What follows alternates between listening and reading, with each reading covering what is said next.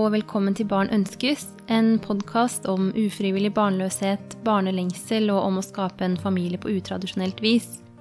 Jeg heter Hedda, og dette er del fire av miniserien Et IVF-forsøk fra start til slutt, hvor jeg deler mitt femte søskenforsøk med dere lyttere.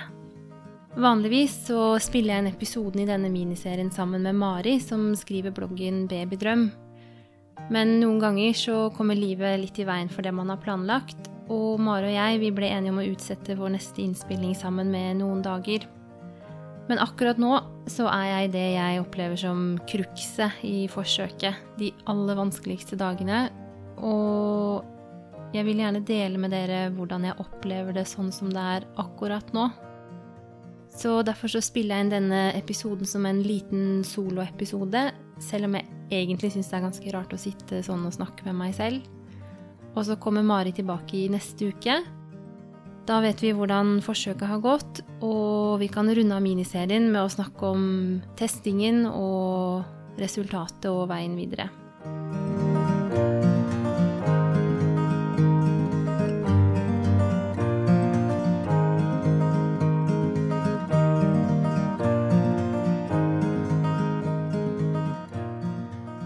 I forrige episode med Mari så fortalte jeg om uttaket, og om at jeg hadde fått beskjed om at uh, vi hadde elleve befrukta egg.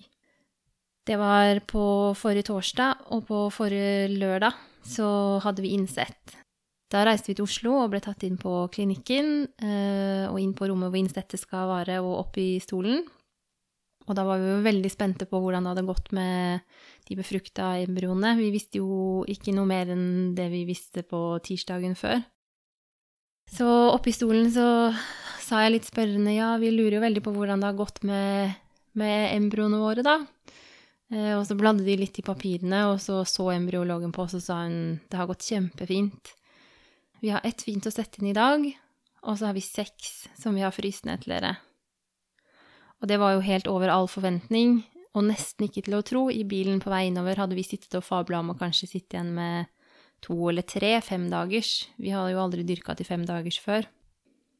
Og i tillegg så fikk jeg en telefon fra Rikshospitalet mandagen etterpå, hvor de fortalte at de hadde latt de siste embryoene få ligge over natten. Og da var det faktisk to til som hadde utviklet seg veldig fint, og som de hadde fryst ned. Så det betyr at vi faktisk har åtte embryoer på frys nå. Det er jo Ja, det er jo helt fantastisk. Men det er nesten så jeg kvier meg litt for å fortelle det her i poden, for jeg vil ikke at andre skal høre på dette og så bli skuffet dersom ikke de får det samme selv.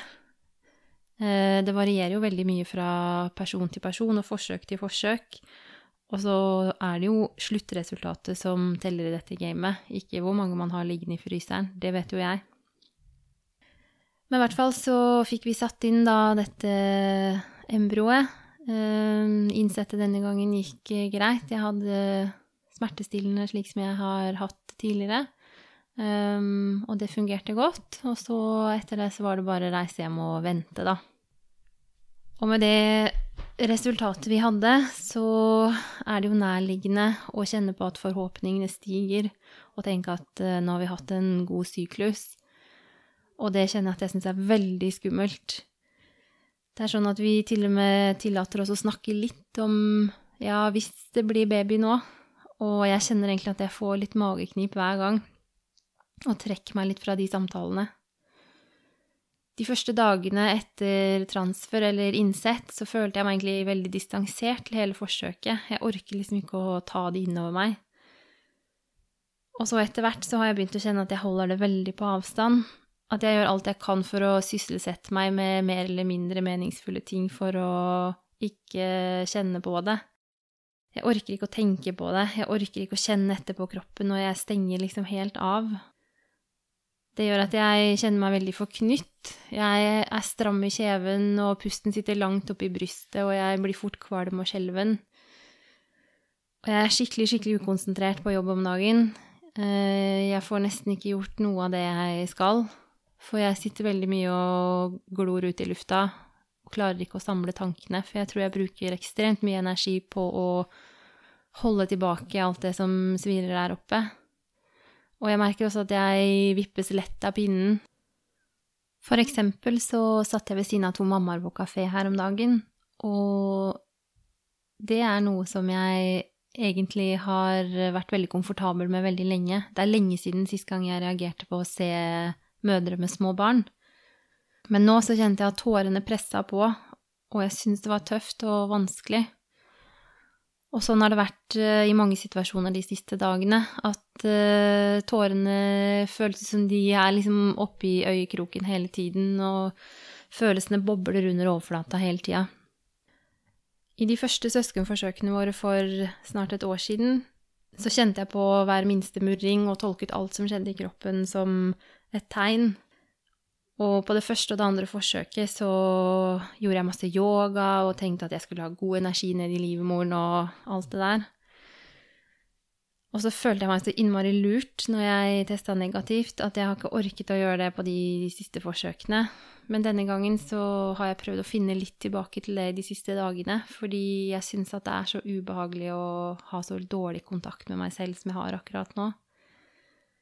Det er ikke bare at jeg går og ignorerer alt som skjer i bekkenområdet, men jeg ignorerer jo alt som skjer i kroppen ellers også, og kjenner at eh, skuldrene stiger og pulsen øker.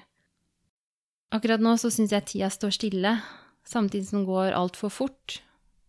Jeg vil liksom bare ha det her overstått, og jeg vil vite åssen det har gått, sånn at jeg kan forholde meg til resultatet og komme meg videre. Men samtidig så har jeg en helt enorm angst for å teste og få fasiten.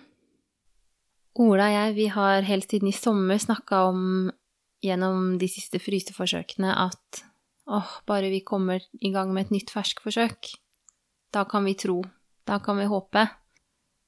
Det føltes så stort å skulle i gang med noe litt nytt etter å ha gjort det samme fire ganger uten å lykkes. Og nå er vi der, og innsatsen føles så enormt stor, og oddsen føles så usikker. Jeg er usikker på hvordan jeg vil takle et eventuelt negativt resultat denne gangen.